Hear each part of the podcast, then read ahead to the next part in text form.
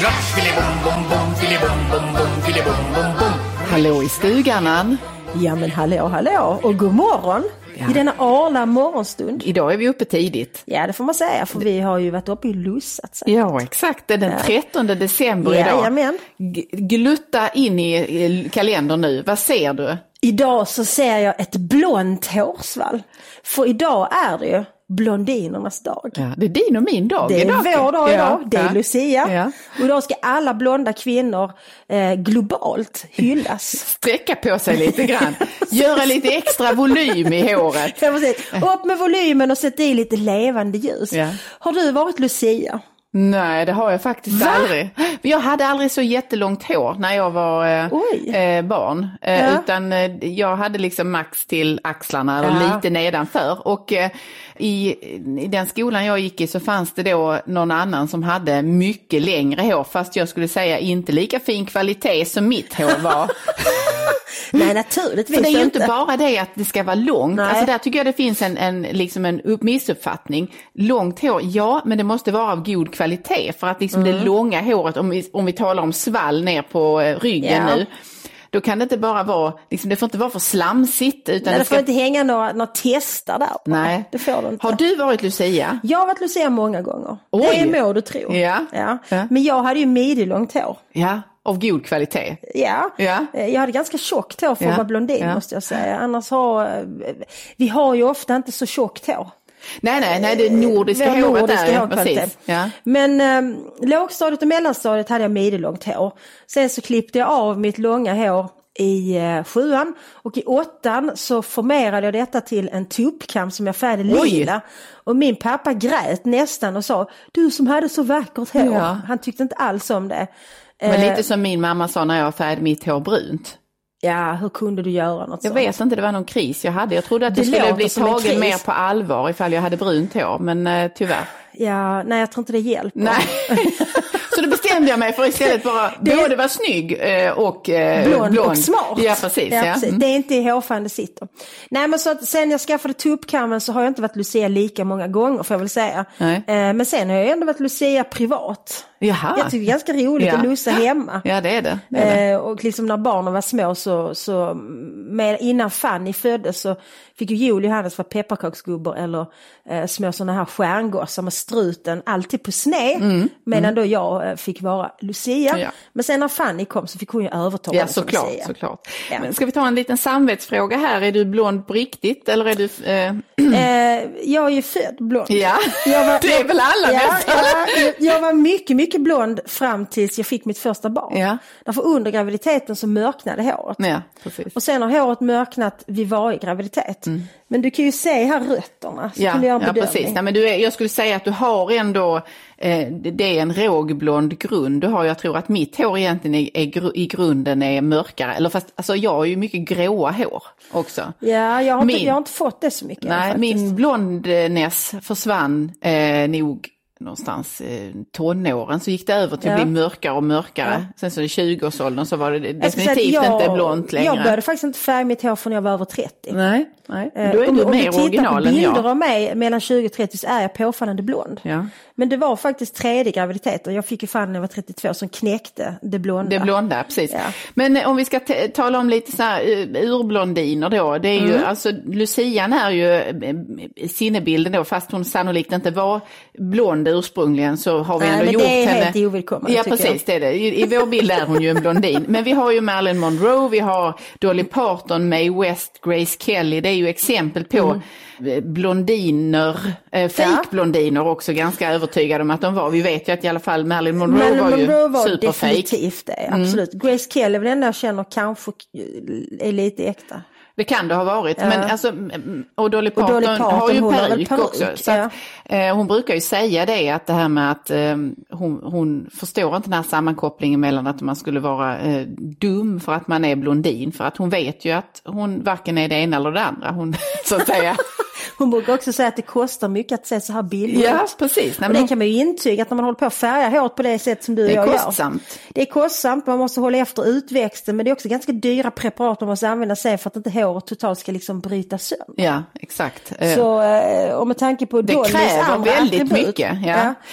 Men eh, om man går tillbaka till Lucia-dagen, Lucia-tåget och så, så vet jag ju när vi talade om Nobelfesten och liknande, det, den Nobelveckan i sin traditionella utformning pågår ju fortfarande då egentligen den 13 december. Och traditionen bjuder då att Nobelpristagarna också får ett Lucia-tåg. Som kommer Eh, in på deras hotellrum, Ja, eller hur? precis. Knackar på. På, på Grand Hotel eller var de nu Ja. bor. Och det finns ju några härliga bilder där människor, pristagare som inte har informerats tillräckligt i förväg om den här traditionen, där de kastar sig ner. Ja, precis, för det plötsligt kommer en samling människor in med ljus i håret och eh, gula Långa bullar vita med sig. särkar, ja.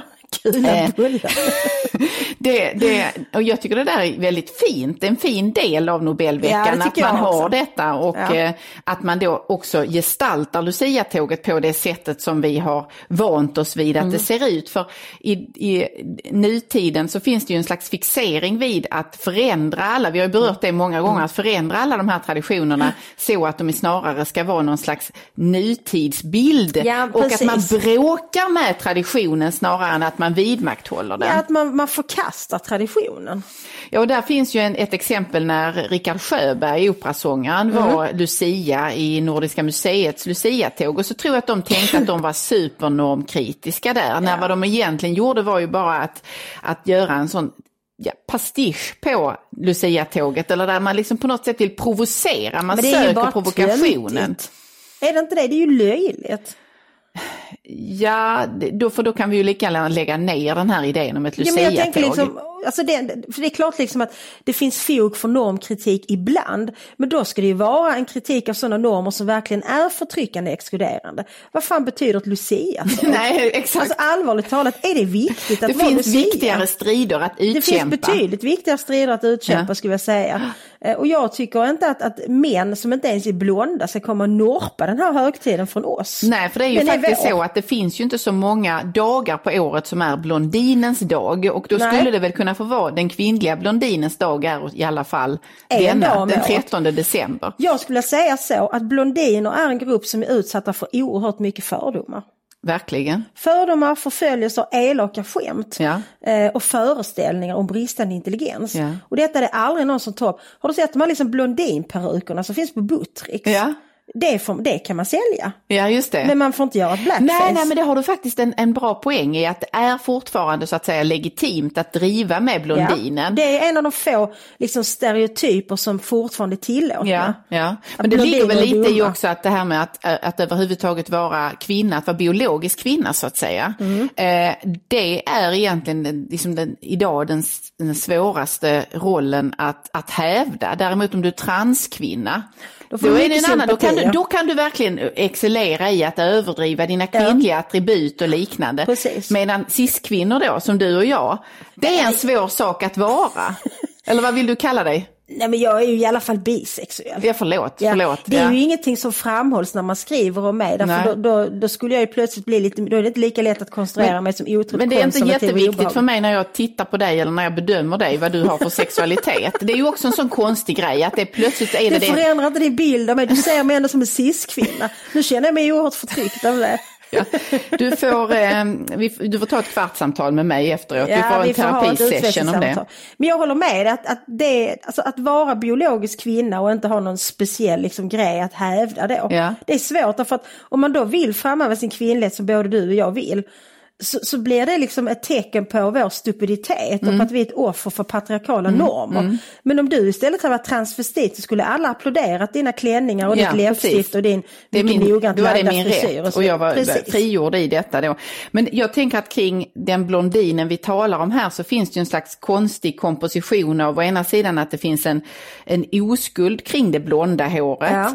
Samtidigt som det när vi då går över till Marilyn Monroe-stuket, Mae West, allt det där, då är det en, en extrem sexighet. En, en, Då är det eh, slampan. Ja, och då är det, det, det är så att säga utstrålningen, det är sexigheten och sexualiteten som kommer via håret och via de andra attributen. Och där det då slår över i att man också ska se det som någon slags nästan vulgaritet i det Ja, stora blonda precis. håret. Som också ska straffas. Jag menar, det har väl inte undgått någon som ser på skräckfilm att den som först blir mördad är alltid blondinen. Mm. Och blondinen har ju innan hon blir mördad hunnit hångla med någon också.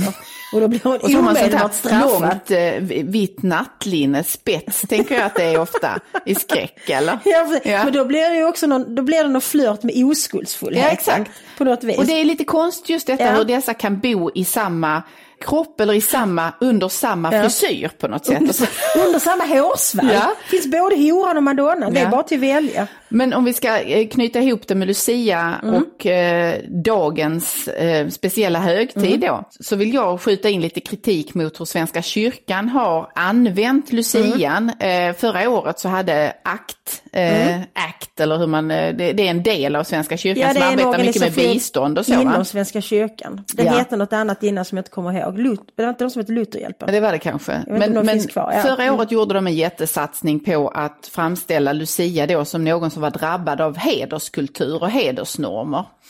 Och där har vi liksom en koppling tycker jag till detta att man ska byta ut vem det är Mm, som är lucian och att man gör en normkritisk övning av det istället. Därför att hedersfrågan och hedersförtrycket är väldigt viktigt att lyfta fram Mm. och diskutera och där har den fem svenska feministiska rörelsen en mycket stor skuld i Ja, att man de förteg varit det länge. där.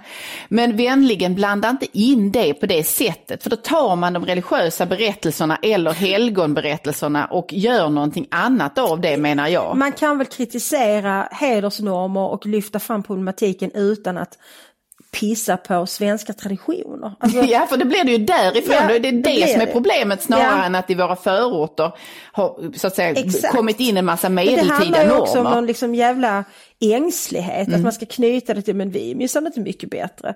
Nej.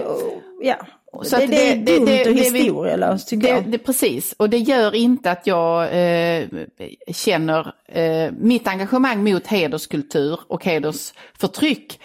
Det, det är starkt nog, men jag, jag tycker sen att man skjuter bredvid mål med den här typen Ja. av kampanjer faktiskt. Det tycker jag också, men överhuvudtaget är det väl väldigt tråkigt om också den här sortens högtider som Lucia ska politiseras. Ja. Det skulle vara väldigt fint om vi kunde ha några fenomen i vår samtid som inte är laddade med någon slags politiskt innehåll. Och det vore väldigt fint om Svenska kyrkan kunde avstå att någon gång göra det, tycker Det vore jag. väldigt fint generellt om Svenska kyrkan inte var politiserad. Ja, precis. Så Ska du ta och välja en favoritblondin? Du får inte välja mig. Oj, det var ju det enda jag kunde komma på. Okej, men då väljer jag faktiskt Dolly Parton. Ja. Jag älskar Dolly Parton. Vilken är din favoritlåt? Eh, jag tycker om den här Go to Hell. Okej, Ja. ja. Eh, och sen så tycker jag också om Jolene.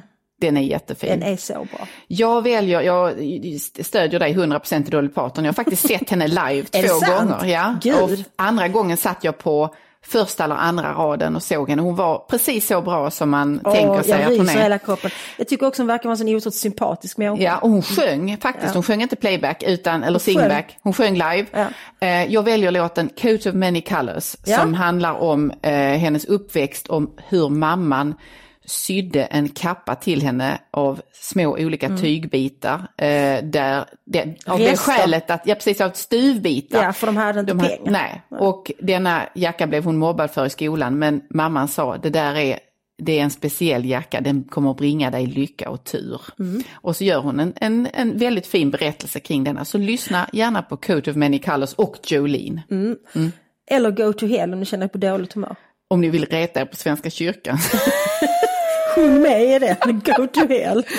Men vi, vi säger ha en fin blond Lucia-dag. Ja, en fin blond Lucia. Var försiktiga med ljusen. Det har hänt mig någon gång att det har börjat brinna i mitt hår. Ja, det är inte bra för då blir det inte mycket blont kvar av det. Så de levande stearinljusen i kombination med hår, ska man, där ska man iaktta viss försiktighet. Ja. Ha en fin dag så hörs vi imorgon. Hej då!